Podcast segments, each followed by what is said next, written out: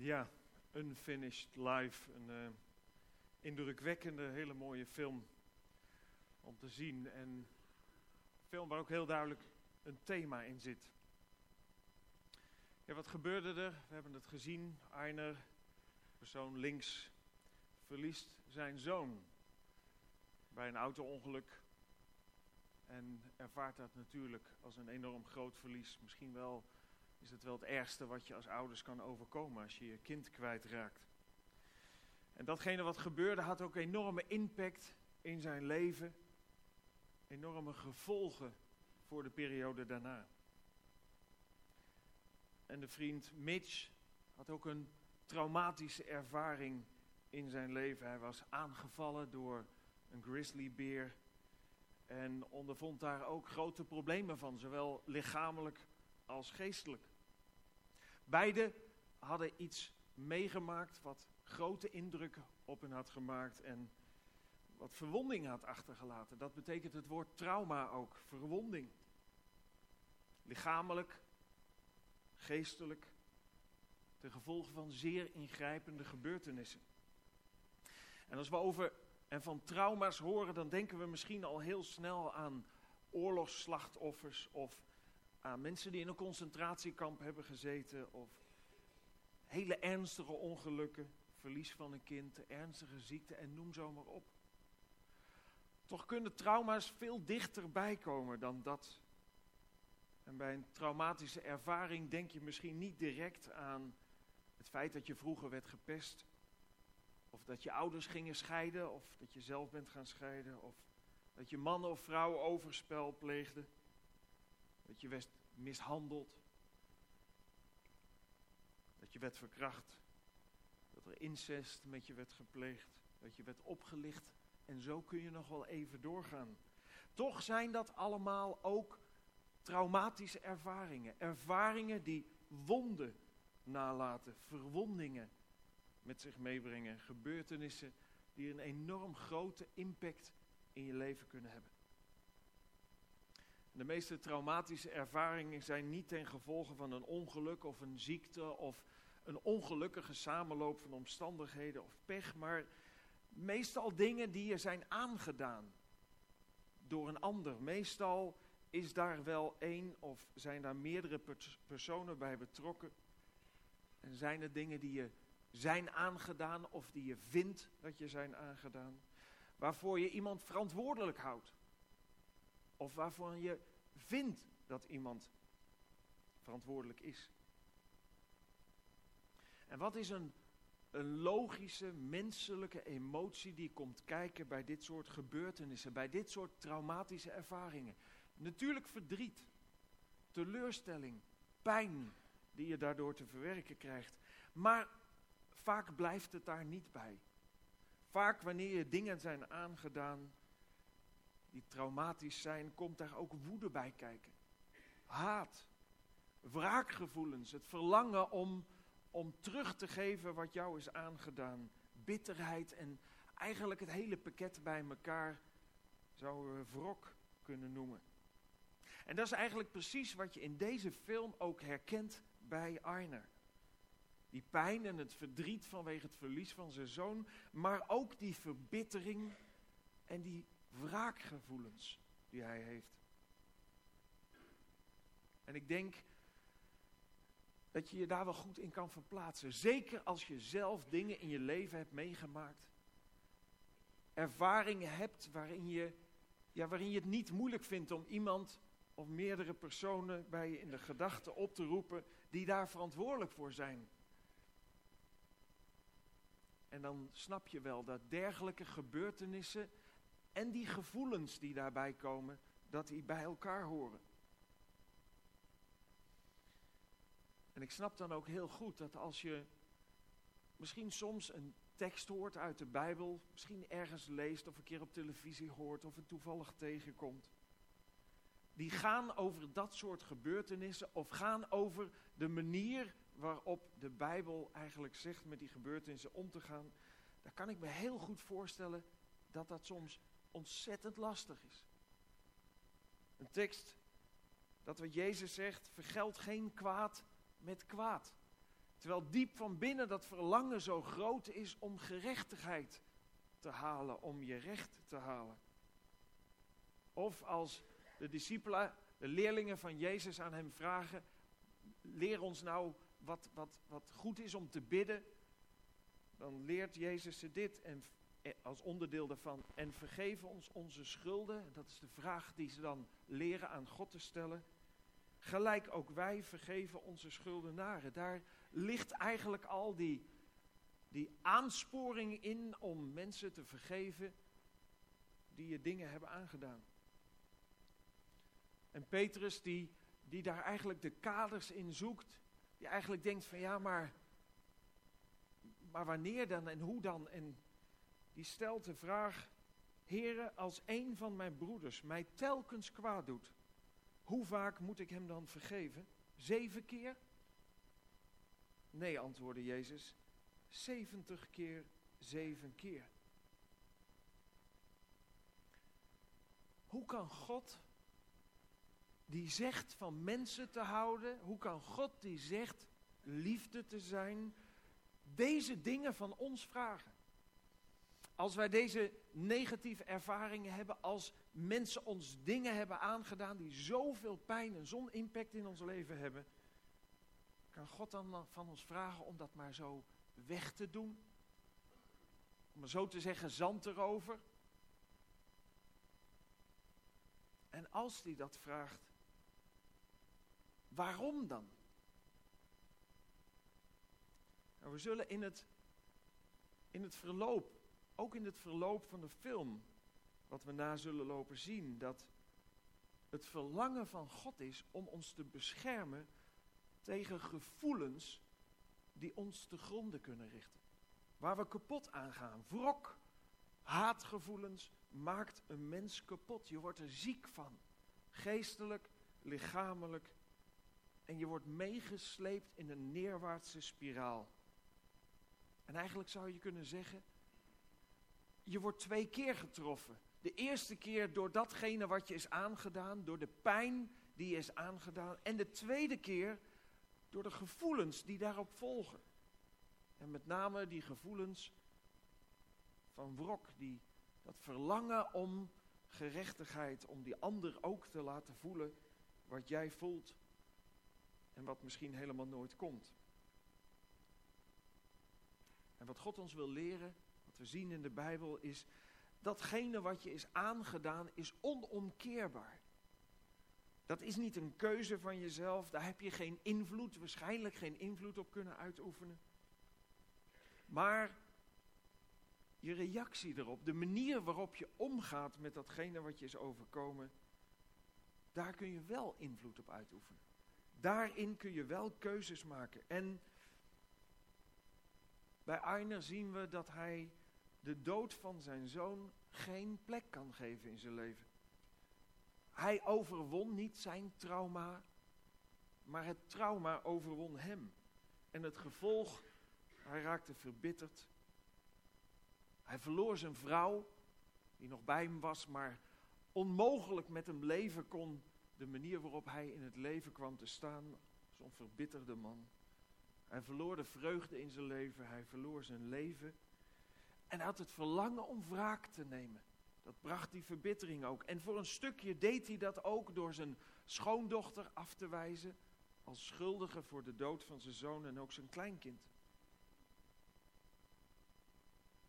En wat je ziet gebeuren is eigenlijk dat aan de ene kant de macht van het kwaad, de tegenstander van God, de Satan ons aanzet als mensen om elkaar pijn te doen.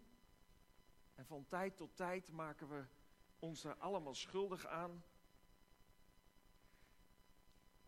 En aan de andere kant probeert het kwaad met die aangebrachte pijn zo met je op de loop te gaan dat je nog veel dieper in de nesten komt.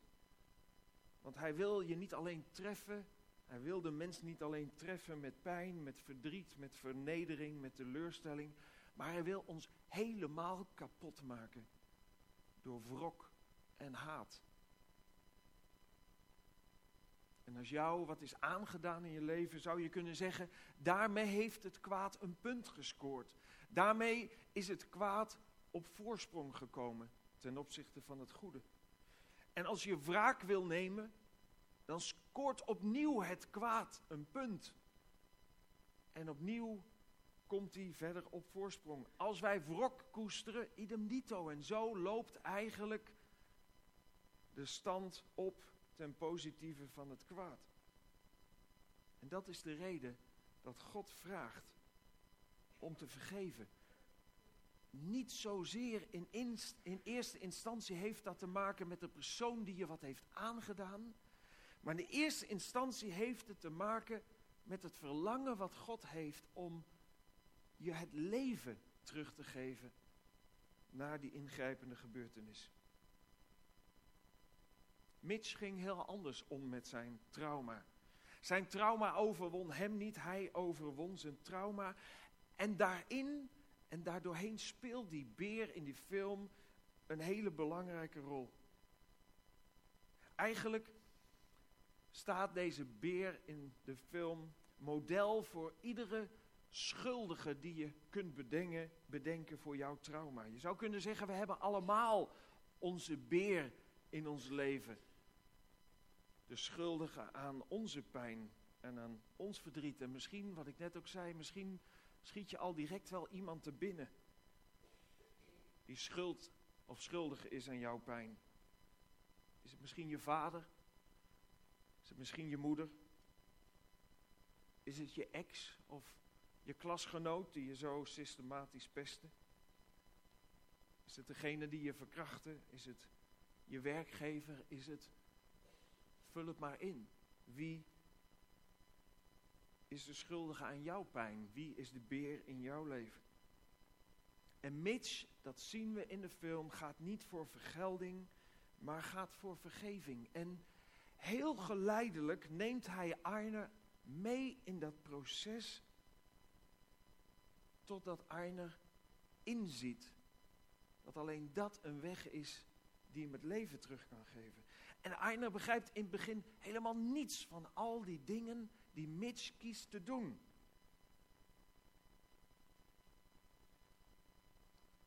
Het begint met die ene vraag, helemaal het begin. Waarin Mitch tegen Arner zegt, ga naar de beer. En waarin Arner zoiets heeft van, wat? Ga naar de beer. En uiteindelijk doet hij wat hem gevraagd wordt en gaat hij er naartoe. En Mitch laat daardoorheen iets zien. Het is net alsof hij Einer wil uitleggen dat hij op een doodlopende weg is. En dat hij een proces moet doormaken om weer in het leven terug te komen. Mitch laat zien dat hij als het ware bewogen is met het lot van die beer die daar nu in gevangenschap zit. Hij probeert zich te verplaatsen in het lot van de ander. Hij probeert zich te verplaatsen in dat wat de ander drijft om dingen te doen. En dat kan heel ver gaan. Toen ik dit uh, zag, toen moest ik meteen aan een tekst uit de Bijbel denken. Die gaat over de lijdensweg die Jezus ging. En het staat in Lucas, daar staat twee misdadigers werden samen met hem, met Jezus, naar de plaats van terechtstelling gebracht. Schedel of Gogolta heet, heette die plaats. Daar werden ze alle drie gekruisigd. Jezus in het midden en de twee misdadigers aan weerszijden van hem. Vader, zei Jezus, vergeef het deze mensen. Zij weten niet wat ze doen. Jezus die onschuldig was, Jezus die een verschrikkelijke traumatische ervaring onderging, keek naar de mens en maakte onderscheid tussen de mens die hij lief had en het kwaad waartoe de mens zich liet verleiden. Het lijkt alsof, alsof, alsof Mitch die, diezelfde les wil leren aan, aan Arne. Als het gaat om de beer in het leven van Arne. En de tweede vraag die hij stelt is: geef de beer te eten. En weer die, die verbazing in de ogen van Einer. Hoe kun je dat nou vragen? Hij was al een keer met een geweer achter die beer aangegaan, Einer. Hij had hem het liefst levend gevild. Hij was zelf ook een stukje verantwoordelijk aan de pijn die Mitch onderging, omdat hij op het moment dat Mitch werd aangevallen dronken was en het misschien had kunnen voorkomen.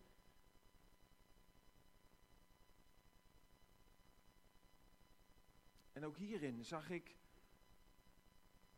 een les die Mitch aan Arner wilde leren. Een les die ik ook in de Bijbel herken. Een tekst die zegt, als uw vijand honger heeft, geef hem te eten. En als hij dorst heeft, geef hem te drinken.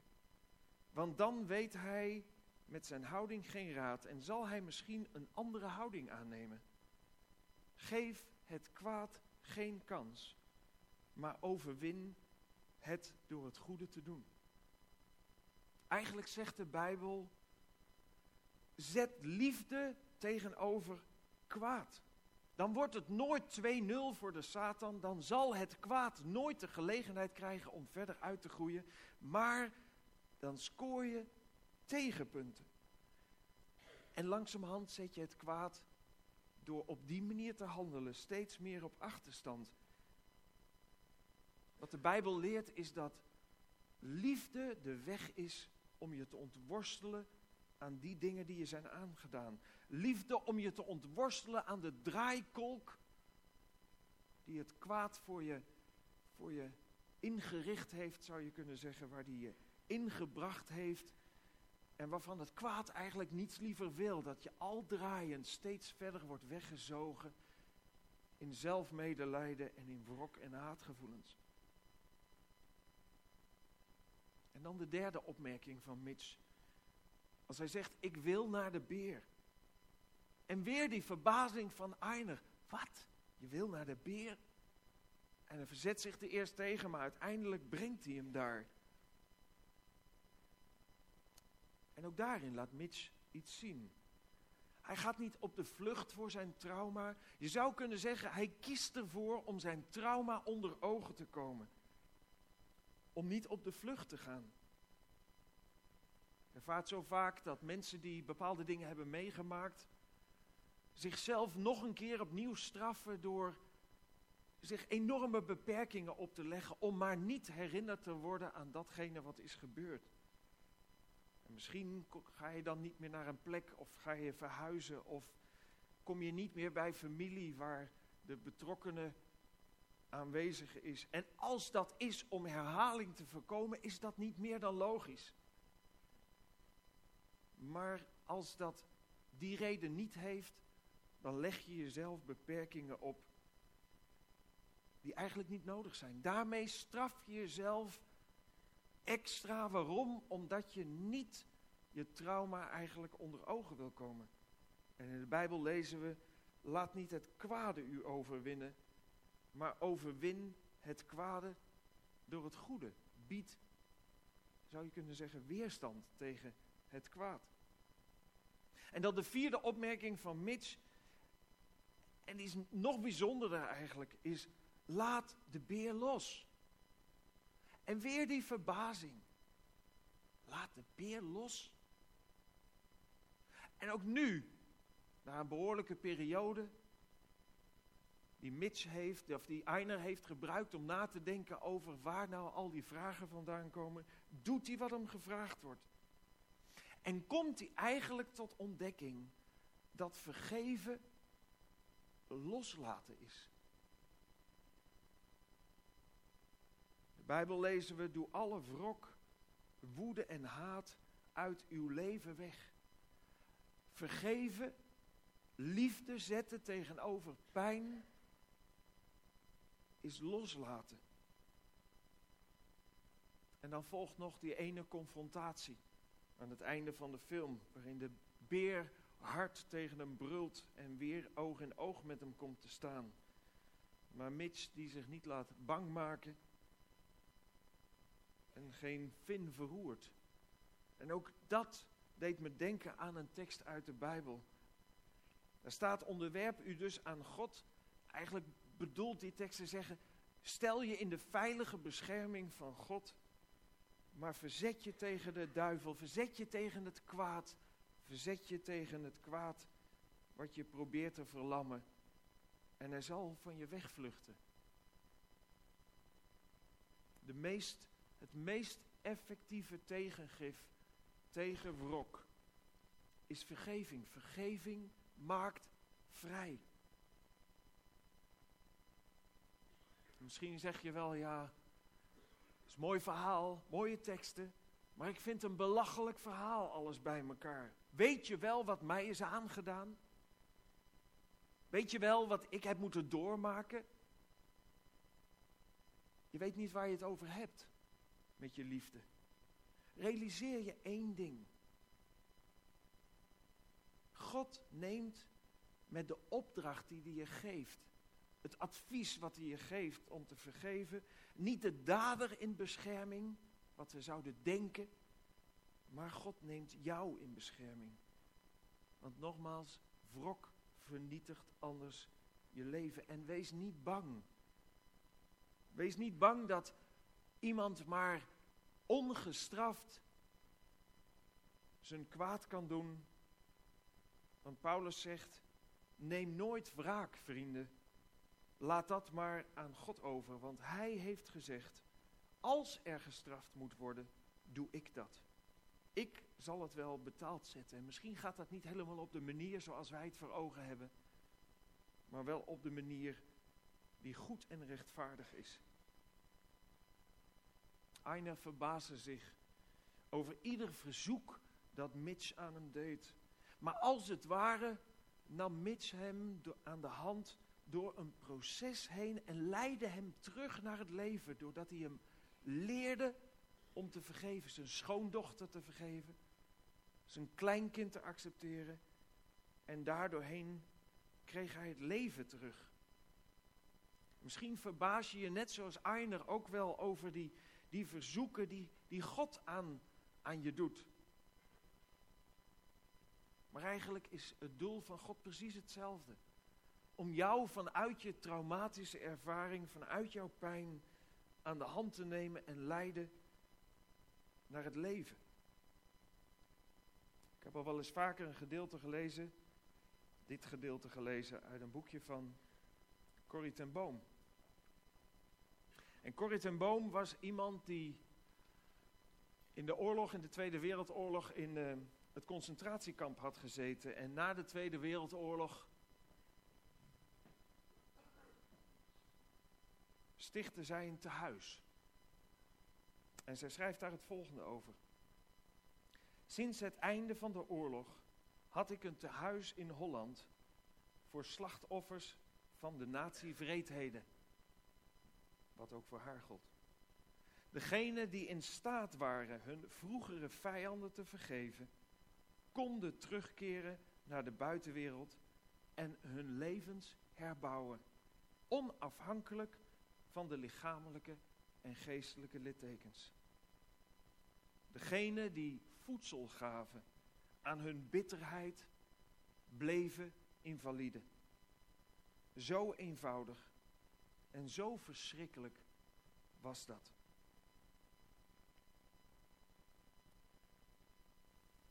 Sommige mensen kunnen, nee ik moet zeggen, willen niet vergeven en koesteren de wrok.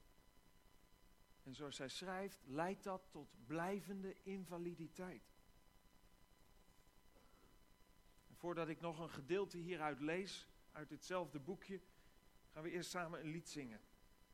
Het lied 629, Als er vergeving is.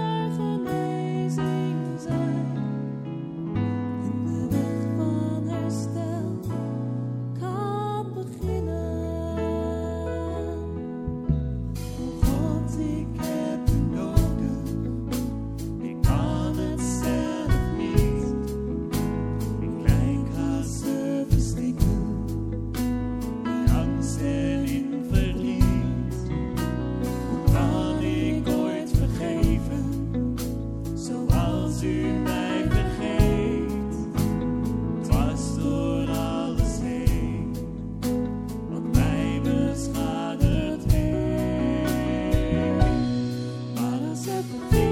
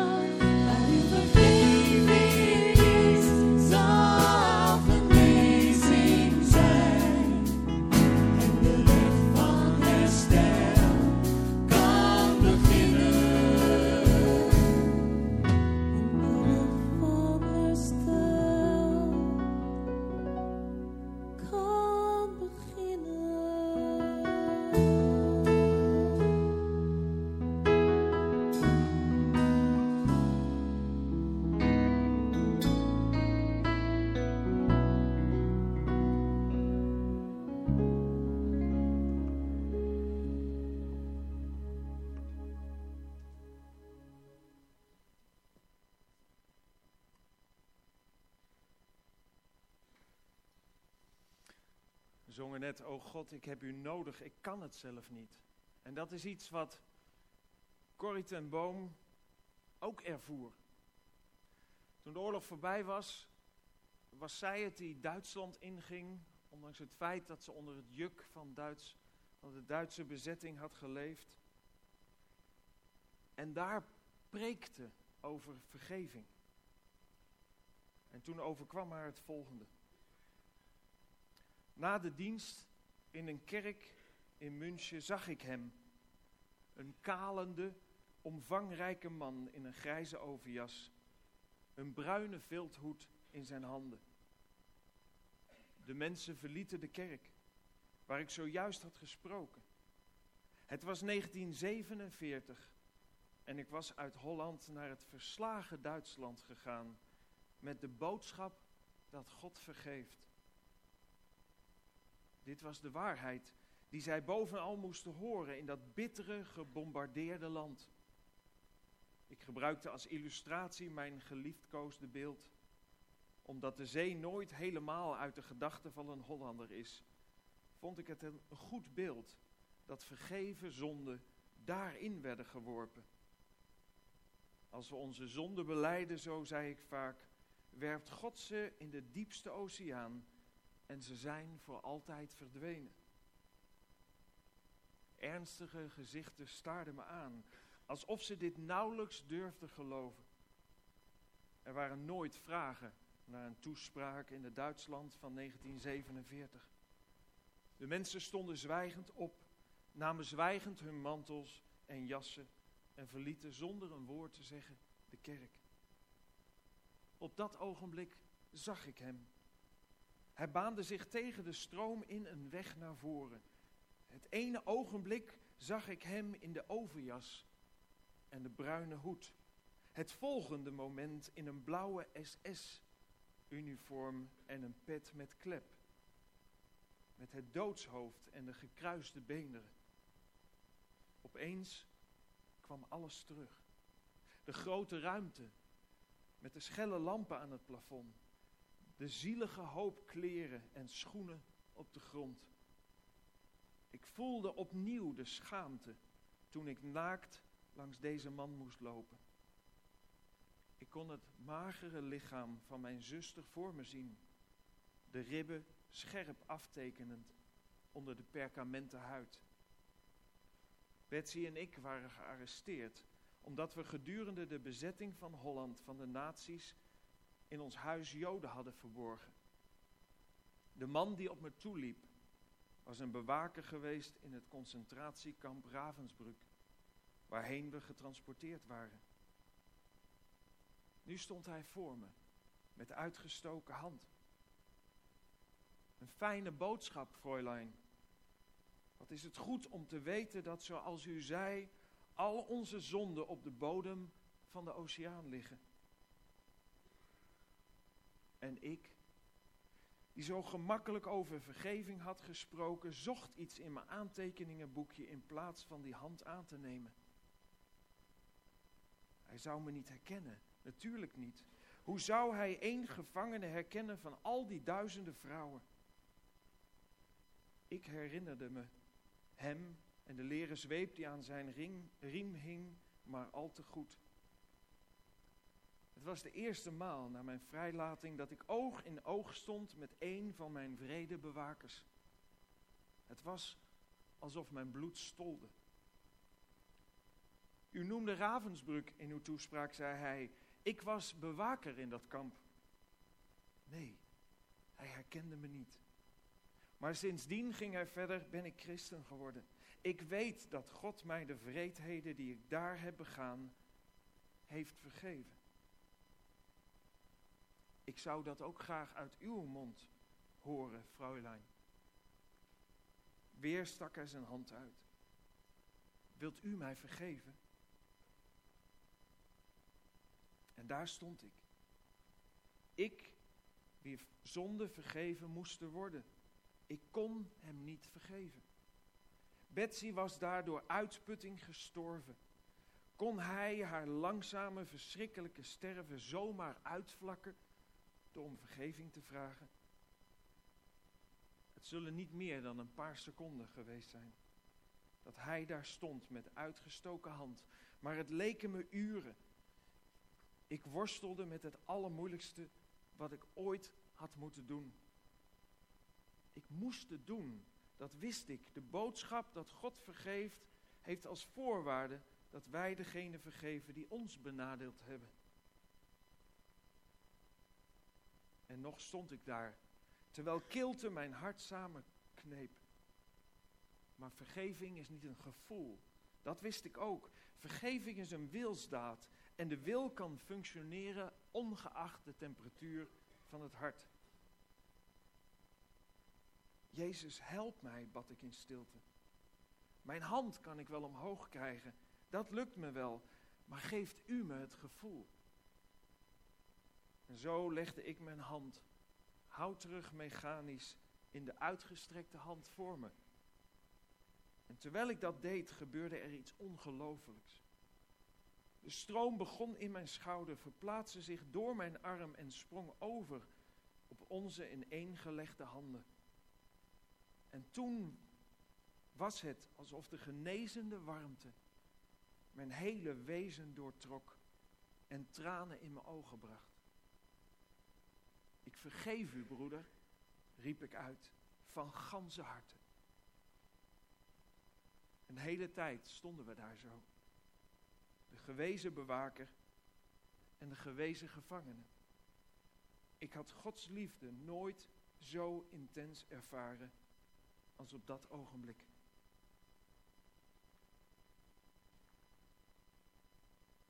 Zij bad in stilte, Jezus help mij.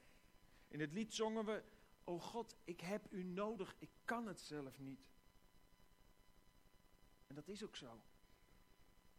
Vergeving is niet alleen iets wat in de Bijbel voorkomt. Er zijn veel meer geloofsrichtingen en de psychologie en die hebben het allemaal over loslaten en vergeving. Maar het rationele deel kun je misschien wel opbrengen. Maar heel veel verder dan iets wegstoppen kom je vaak niet om vervolgens tot de ontdekking te komen dat het keihard weer terugkomt. En je weer geconfronteerd wordt met de pijn. Maar hoe anders is het wanneer je God vraagt om kracht, om te vergeven en wanneer je God de ruimte geeft in je leven om dat uit te werken wat we ook hier lazen. Waardoor de pijn, waardoor het verdriet, waardoor de herinnering niet een plek krijgt in je leven, maar uit je leven verdwijnt. Weg is. Realiseer je dat wanneer jij, wanneer jij vecht met herinneringen, met trauma's, met pijn, met misschien wel wrok en haatgevoelens, weet dat God zo graag je wil helpen om die gevoelens kwijt te raken. Om het leven terug te vinden. En de weg om het leven terug te vinden gaat langs zijn zoon, de Heer Jezus Christus. Als we hier woensdagavond of donderdagochtend kerstdiensten hebben, dan staat die weg eigenlijk centraal. Die weg die Christus vrijmaakt, vrij kwam maken toen hij op aarde kwam.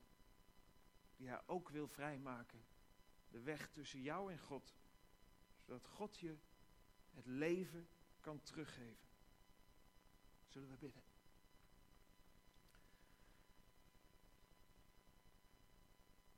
Dank u wel, Heere God, dat u, dat u ons het leven wilt teruggeven. Dank u wel dat u ons niet zomaar onze gang laat gaan en geen acht op ons slaat. Dat u ons niet overgeeft aan onze haatdragende gevoelens en wrok. Maar dat u ons een, een hele moeilijke weg wil leren. Maar een weg die ons vrijmaakt. Een weg waarin we het leven zullen terugvinden. Een weg waarin we ook u zullen en mogen ontmoeten. God, en ik bid u voor, voor iedereen die er zit.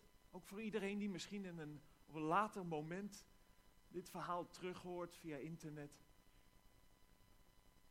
Heer, ik bid u dat, dat u ons hart aanraakt. Dat u ons laat ervaren wat het betekent om uw liefde te leren kennen in ons leven. Dat u ons wilt helpen, aan de hand wil nemen, net zoals Mitch dat deed bij Arner, als het ware. Dat u ons bij de hand wil nemen om ons ook te leiden